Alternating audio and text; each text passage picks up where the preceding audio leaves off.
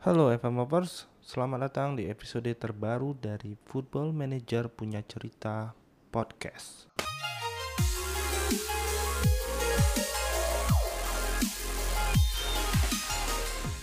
FM Lovers, uh, ini adalah episode terbaru setelah terakhir kita kita terakhir saya mengeluarkan episode perdana untuk season FM 20 pada tanggal 9 Oktober kemarin. Bagi yang baru mendengarkan podcast ini, selamat datang. Football Manager punya cerita adalah salah satu kanal dari artupoke.com, sebuah blog yang khusus didedikasikan untuk membicarakan game Football Manager. Football Manager yang dimaksud ini adalah Football Manager yang biasa kita mainkan yaitu Football Manager yang dirilis oleh Sport Interactive Games yang dulunya mungkin kalian sudah jadul jadul nama awalnya itu adalah Championship Manager atau CM. Jadi di podcast ini apa saja yang dibicarakan? Podcast ini akan menyajikan berita dan cerita terkait game Football Manager. Jadi sebagai variasi lah dalam menyalurkan informasi dan keluh kesah yang selama bermain di FM yang biasanya saya tulis di artupoke.com atau di Twitter. Nah, podcast ini adalah salah satu kanalnya untuk membicarakan FM. Jadi silakan nikmati karya ini. Kita lanjut. Jadi apa saja yang harus diupdate di episode kali ini? Yang pasti saat ini kita sudah memiliki tanggal resmi dari Football Manager 2020 yang akan dirilis resmi tanggal 19 November 2019. Jadi kurang lebih satu bulan ke depan dari podcast ini dibuat akan ada versi full dari FM20 kurang lebih ceritanya untuk yang pre-order biasanya akan bisa mencicip versi beta dua minggu lebih awal dari release date tanggal 19 November berarti kurang lebih sekitar tanggal 5 November sudah ada rilis betanya. Bagi yang belum tahu versi beta itu sebenarnya apa sih? Versi beta itu adalah mungkin versi yang 95% udah jadi lah dari versi rilis resmi tanggal 19-nya. Ini diberikan khusus bagi yang sudah pre-order.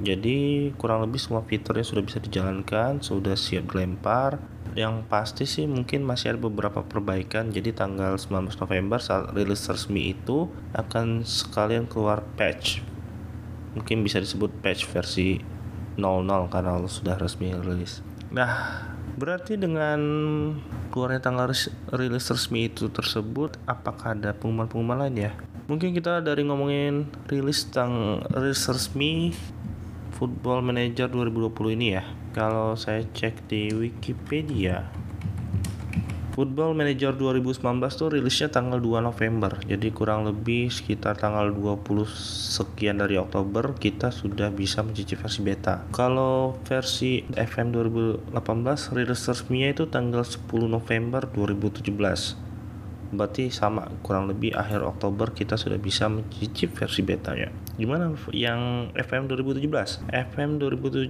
rilis resmi tanggal 4 November 2016 jadi kurang lebih hampir bisa dibilang di tiga edisi terakhir FM itu rilisnya di awal-awal minggu pertama November kurang lebih kenapa sih uh, FM20 ini resminya bakal rilis tanggal 19 apakah ada fitur-fitur yang luar biasa sampai perlu waktu yang lebih lama untuk mempersiapkannya agar diluncurkan lebih bagus. Jadi ceritanya kalau misal dilihat-lihat dari forum ya, Football Manager 2020 ini juga adalah salah satu game yang menjadi game resmi dari Google Stadia. Kalau kalian belum tahu Google Stadia, Google Stadia itu adalah layanan berbayar dari Google di mana kalau kamu bisa membayar bulanan subscription ceritanya kamu bisa memainkan game berbasis cloud. Nah ini kalau misalnya Google yang ngeluarin tentunya biasanya nggak main-main ya. Game-game yang di Google Stadia itu kalau di pengumumannya itu kurang lebih ada Dragon Ball Xenoverse 2 Bethesda Doom Eternal Doom 2016 ada Elder Scrolls Online ada Bungie Destiny 2 itu bisa dimainkan melalui versi cloud dari Google Stadia. Maksudnya versi cloud ini artinya kalian cuma butuh seperti controller dan akses internet. Oh dan satu lagi ada Chromecast.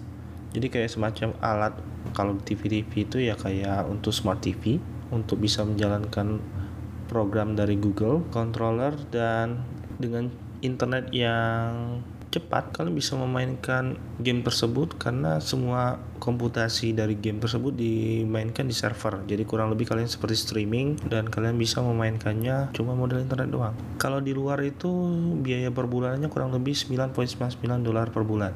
10 dolar per bulan berarti kalau di Indonesia sekitar 150 ribu per bulan.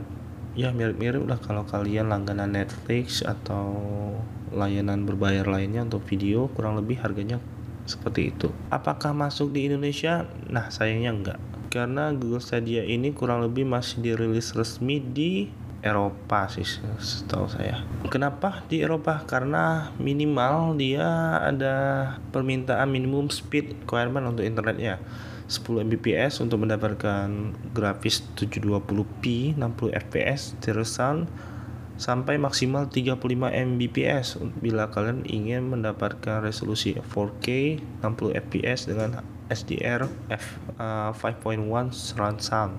Jadi ceritanya kurang lebih makin tinggi kecepatan internetnya makin bagus grafis yang bisa dihasilkan dan tentunya ini nggak hanya cepat tetapi perlu stabil juga. Dan yang seperti kita tahu di Indonesia eh, layanan internet yang bisa memberikan minimum requirement seperti itu masih sangat jarang. Jadi kita tunggu saja apakah bisa dimainkan tahun-tahun akan datang di Indonesia Oke, kembali lagi ke FM20.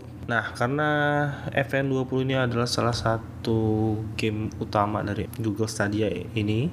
Google Stadia itu sudah digadang-gadang kalau misalnya kita memainkan FM di Google Stadia maka kamu akan mendapatkan komputasi lebih cepat artinya bisa memainkan liga lebih banyak daripada yang bisa kamu mainkan di komputermu atau laptopmu dan juga bisa mendapatkan waktu loading time yang lebih se lebih sedikit. Jadi nggak perlu lama-lama menunggu pergantian hari kalau kita klik continue di FM jadi bayangkan kalian bisa memainkan lebih dari 10 liga berjalan semua dan tidak menunggu waktu lama karena semua komputasi dilakukan di server Google. Jadi yang kalau ada alasan bahwa kenapa FM20 ini waktu rilisnya lebih lama kurang lebih alasan bahwa ini untuk mengantisipasi atau ada kayak semacam kesepakatan dengan Google Stadia mungkin ada benarnya juga karena Google Stadia saat ini bakal dirilis belum ada tanggalnya tapi infonya sekitar November 2019 juga jadi kalau kita lihat tanggal rilis dari FM 2010 sampai 2020 ini bisa dilihat bahwa FM 2020 ini adalah rilis yang paling lama karena yang lainnya masih sekitar ada Oktober, November ya sekitar awal-awal November atau akhir Oktober malah. Jadi bagi yang udah gak sabar pre-order aja minimal kalian sekitar awal-awal November sudah bisa mencicip versi beta dan juga berharaplah bahwa fitur-fitur barunya itu bakal memuaskan kalian. Nah, ini ngomongin fitur-fitur baru. Pada episode sebelumnya sudah dibahas apa saja video yang sorry, apa saja fitur yang menjadi highlight dari FN20. Jadi kalau misalnya kalian belum mendengar, silahkan didengar ya, Football Manager punya cerita yang edisi FM20 episode 1 ada beberapa tambahan fitur dari terakhir saya bicarakan di tanggal saya kemarin cut off tanggal 6 Oktober tetapi tambahan fitur-fitur baru setelah tanggal itu sampai tanggal podcast ini dibuat juga nggak terlalu banyak sih.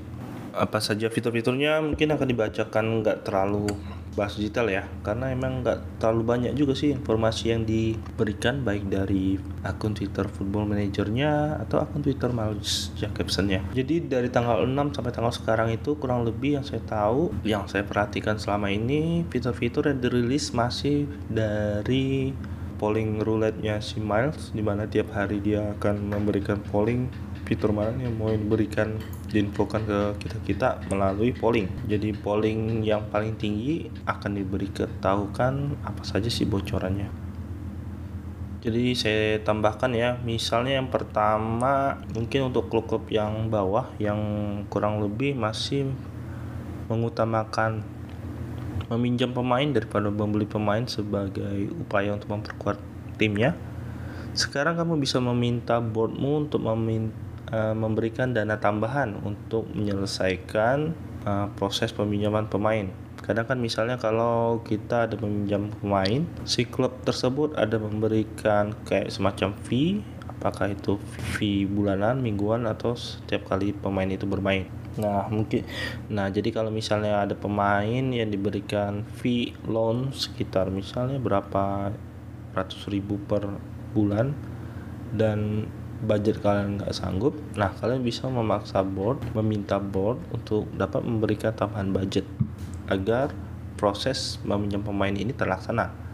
Yang kedua mungkin ini bersifat apa ya tambahan informasi saja di mana kan biasanya kalau di transfer history kita hanya diberikan kayak semacam uh, tulisan saja ya. Apakah transfer tertinggi terendah berapa total transfer kalian. Nah ini sekarang ditambahin uh, semacam ilustrasi semacam grafik bar. Jadi per tahun per tahun tersebut kalian akan dilihatin kayak ada semacam grafik performance, grafik batang. Jadi kalian bisa kelihatan naik turunnya berapa jumlah transfer per setiap musim, setiap Windows transfersnya.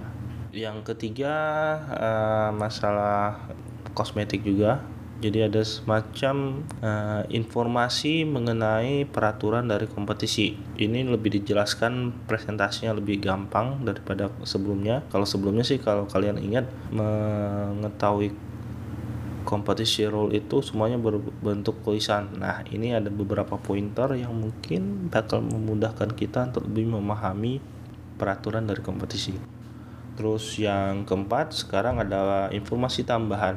Jadi kan kalau misalnya kalian melihat inbox kalian ada semacam sesi bahwa ada uh, informasi dari personal assistant atau assistant manager kalian bahwa ini adalah list pemain yang sudah mau habis kontraknya dalam satu tahun atau enam bulan akan datang atau mungkin satu setengah tahun sebelumnya sudah diinfokan bahwa kontraknya akan habis. Nah biasanya kan ada kayak semacam recommended action nih, apakah akan memberikan offer kontrak atau set to release atau biarkan saja sampai kontraknya habis sendiri, maksudnya set to release tadi Nah, sekarang ada satu kolom baru nih. Akan ada rekomendasi dari staffmu untuk masing-masing pemain. Jadi, misalnya ada player 1 atau pemain A misalnya. Rekomendasi adalah memberikan kontrak tetapi sebelumnya diberikan semacam kata-kata. Misalnya kenapa dia harus diberikan kontrak? Apakah misalnya contohnya bahwa si pemain ini masih dianggap sebagai backup yang bagus untuk tim atau pemain ini masih dibutuhkan untuk melengkapi tim kalian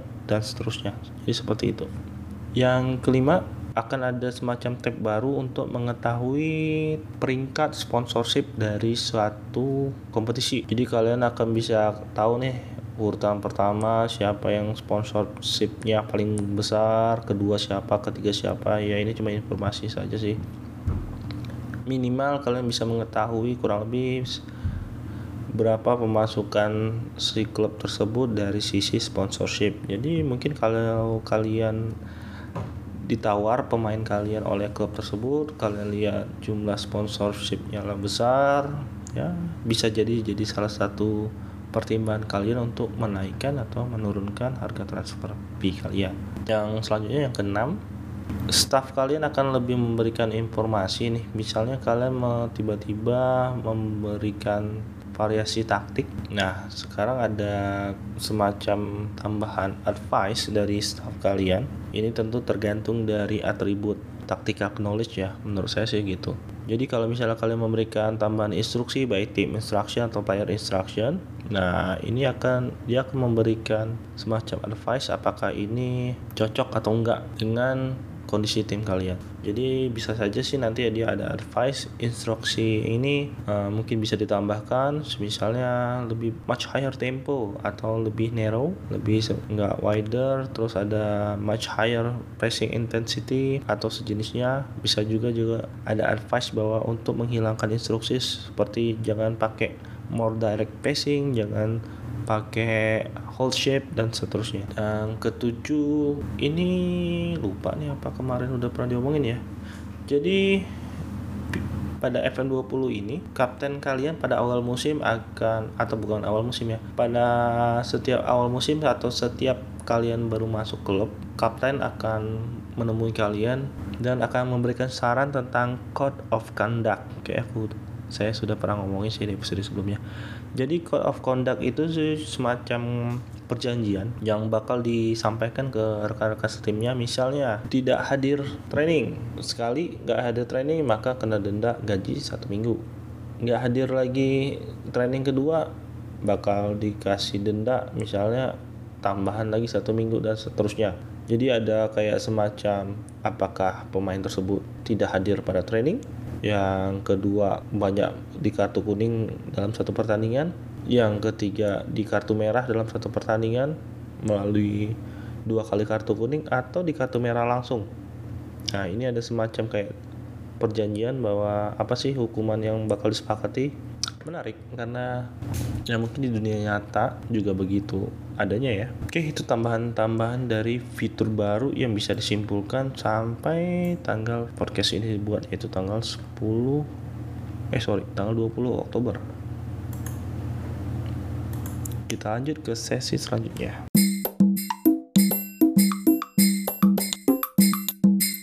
pada sesi kali ini ada beberapa yang ingin diomongin. Selain dari FN20 ada rencana bakal collab sama Retropus. Mudah-mudahan jadi kurang lebih sih. Kita janjian sih setelah tanggal 5 jadi alias setelah FM20 dirilis jadi kita bisa sama-sama mainin FM20 dulu karena memang rencananya mau membahas tentang rilisnya FM20 ini. Jadi Football Manager kan memang dimainin ya mungkin gak semua pemain gak semua supporter sepak bola memainkan game ini ya tetapi saya yakin sih sebagian besar memainkannya karena sering kali kita diskusi tentu kalau misalnya ngomongin pemain pelatih atau bla bla bla segala macam ada aja yang masih merefer FM sebagai sumber informasinya. Eh kalau pemain A ini di FM gue bagus loh. Kalau di atau ah kalau ini sih di FM gue udah gue buang nih udah gue jual. Apa sih ada aja kata-kata seperti itu kan? Nah mudah-mudahan nanti kita pas collab nanti bisa lebih banyak ngobrolin kisah-kisah seperti itu. Yang kedua gue sebenarnya udah lama nih, Kema udah beberapa episode udah nggak ngomongin Football Manager Indonesia IDFM Facebook Group. Jadi kalau kalian pemain FM dan ingin sharing-sharing mengenai FM atau pengen tahu apa saja sih yang dibicarakan lagi di-sharing oleh komunitas FM Indonesia. Dan kalau kamu punya akun Facebook kamu bisa bergabung di grup Facebook Football Manager Indonesia atau IDFM bisa dicari di Facebook Football Manager Indonesia dalam kurung ID FM India Delta Fanta Mama. Kalau kalian belum bergabung jawab aja pertanyaannya. Nanti kalau misalnya udah bisa jawab pertanyaannya biasanya sih kita approve ya tapi kalau kalian tidak menjawab pertanyaannya ya udah otomatis sih ditolak. Jadi jangan lupa untuk menjawab pertanyaannya jika ingin bergabung ke Facebook group ini. Apa saja yang dibicarakan di Facebook group IDFM banyak. Jadi kurang lebih nanya-nanya taktik lah, nanya-nanya download fastpack lah, bisa kalian bicarakan di sini. Gue pengen ngomongin apa ya? Oke, jadi ada jadi singkat gue nih ada beberapa ada satu pertanyaan uh, detail ya, tetapi ada pertanyaan ya dari Farhan Desera. Kapan ya grafik FM sebagus PES atau FIFA? Ini kalau saya lihat sih cukup membuat diskusi yang menarik di grup karena kurang lebih sih rata-rata member ini pasti ada yang tahu bahwa dulu ada game sejenis FM yang bernama FIFA Manager. FIFA Manager ini punya grafik yang bagus, ala bisa kayak semacam apa ya? Kalian bisa membangun stadion, bisa menentukan sponsorship, bahkan ada kayak fitur untuk uh, simulasi kehidupan manager, kamu membeli mobil, menikah, punya anak, bla bla bla itu ada satu satu fitur ya. Tapi sayangnya FIFA ini FIFA Manager ini telah tenar kah? Nggak laku.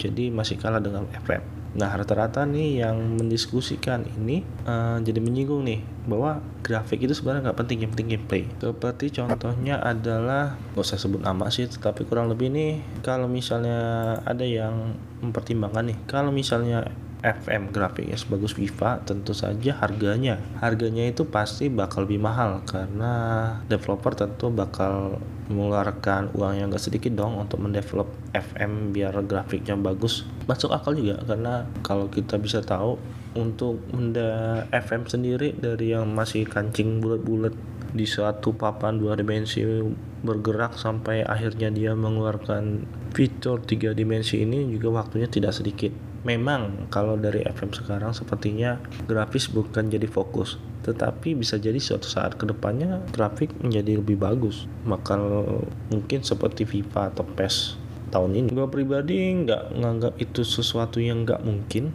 Kenapa? Mungkin ke depannya itu ya teknologi akan bakal semakin berkembang, teknologi bakal semakin murah. Saya yakin itu.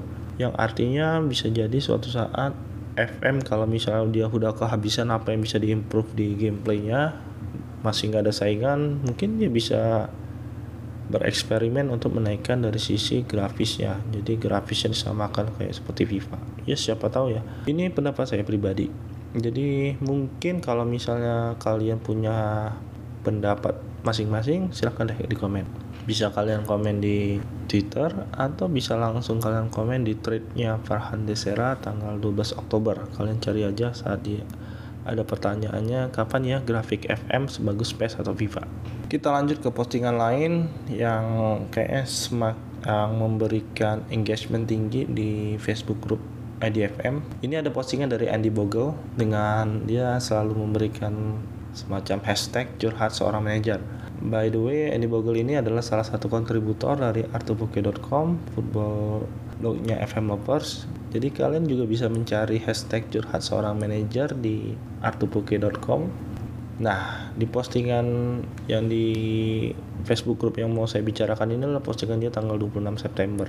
Ini engagementnya tinggi nih kurang lebih. Kenapa? Karena dia mendiskusikan formasi. Saya berniat merombak sistem permainan tim saya dengan mengganti formasi 442 menjadi 352. Saya sendiri sangat tidak terbiasa dengan sistem seperti ini. Jadi saya googling dan baca-baca artikel tentang 352 dan ketemulah sistem seperti di gambar. Nah, ini yang menarik karena dia membuat gambar tulisan tangan sendiri. Jadi ada gambar formasi 352 yang dia tulis di di atas kertas kayaknya dia foto terus di post di postingan ini. Dia bertanya tuh bagaimana menurut kalian yang memakai sistem 352 kalau saya ingin memainkan high pressing apakah memungkinkan dan lagi sistem ini juga menuntut fasihnya pertukaran posisi antar pemain khususnya di lini depan ya. Ini postingan yang menarik walaupun kita sebenarnya tahu nih FM ini kan uh, grup untuk membicarakan taktik sih. Kalau misalnya lazimnya ya kalau sebuah game.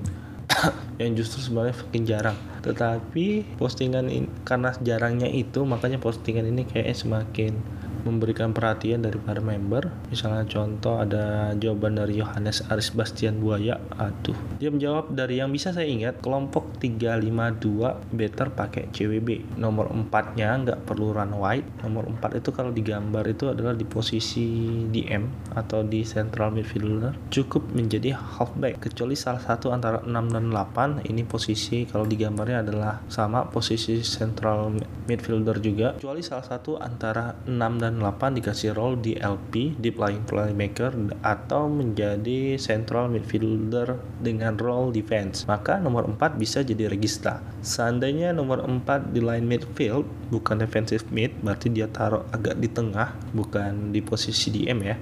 Maka nomor 4 sebaiknya pakai pakai row di LP deep lying playmaker atau central midfielder dengan duty defense. Harus ada gelandang tipe holding di tengahnya. Tugasnya nahan counter sampai wingback bisa turun. Ini format apa? Diskusinya menarik nih karena masing-masing members memberikan tanggapannya yang saya suka nih karena jarang-jarang banget kita ngomongin taktik di grup ini. Kalau kalian misalnya punya tanggapan tersendiri tentang formasi 352, boleh tuh gabung di diskusinya Andi Bogel tanggal September 26 cari aja postingan dengan hashtag curhat seorang manajer. Kita lanjut ya. Oke, ini mungkin postingan ketiga yang banyak engagement tinggi ini postingan dari admin Faras Widya Izadi tanggal 14 Oktober. Jadi ceritanya di eh, diskusi di Twitter IDFM ada akun ad slash DJ26 yang menginformasikan bahwa dia mengoleksi FM jadul. Jadi dia memberikan link drive Google untuk mendownload installer dari ini ada Champions Championship Manager dari 2 CM3, CM4, CM5, CM2006 sampai FM 2008. Ya jika ada yang mau nostalgia edisi lama monggo deh cari aja postingan tersebut ya. Nggak saya kasih tahu lebih detail cari aja sendiri di, di grup. Kembali menunggu FM20 ya. FM20 itu mungkin fitur-fiturnya nggak terlalu banyak meningkat dari FM19 tapi tetap menarik kok. Kalau kalian memainkannya mungkin kalian bisa kembali berjam-jam duduk melihat layar monitor dan memainkan taktik kalian memainkan FM kalian membawa wonderkid yang kalian uh, pupuk dari dari youth sampai dia menjadi pemain senior untuk membuktikan bahwa kalian bisa menghasilkan pemain kelas dunia. Di FM 20 nanti mungkin kalian bisa merasakan itu kembali. Mungkin seperti saya juga ya. Yang walaupun saat podcast ini dibuat secara legal saya bilang saya tidak ingat pernah memainkan FM 20 saya tidak bisa membicarakan bahwa saya sudah memainkannya dan seterusnya Oke, kalau misalnya ada pertanyaan, saran, atau ada yang ingin didiskusikan, atau ada yang pengen diomongin di episode sebelum selanjutnya, silakan mention Twitter ini @artupoke atau bisa kita ngobrol di grup di Facebook grup IDFM Football Manager Indonesia. Silakan dicari di FF Group. Kita ketemu lagi ya di episode selanjutnya. Ciao. Eh ada yang ketinggalan? Rencananya artupoke.com mau buat giveaway FM 20 original nih. Buat para pendengar FM punya cerita. Ada yang mau satu doang sih tapi kalau kalian ada punya usulan gimana cara memberikan giveaway-nya silahkan mention dan bicarakan di Twitter ya. Ditunggu yang memberikan saran siapa tahu yang memberikan saran langsung saya kasih tapi let's see apa ditunggu ide-idenya ciao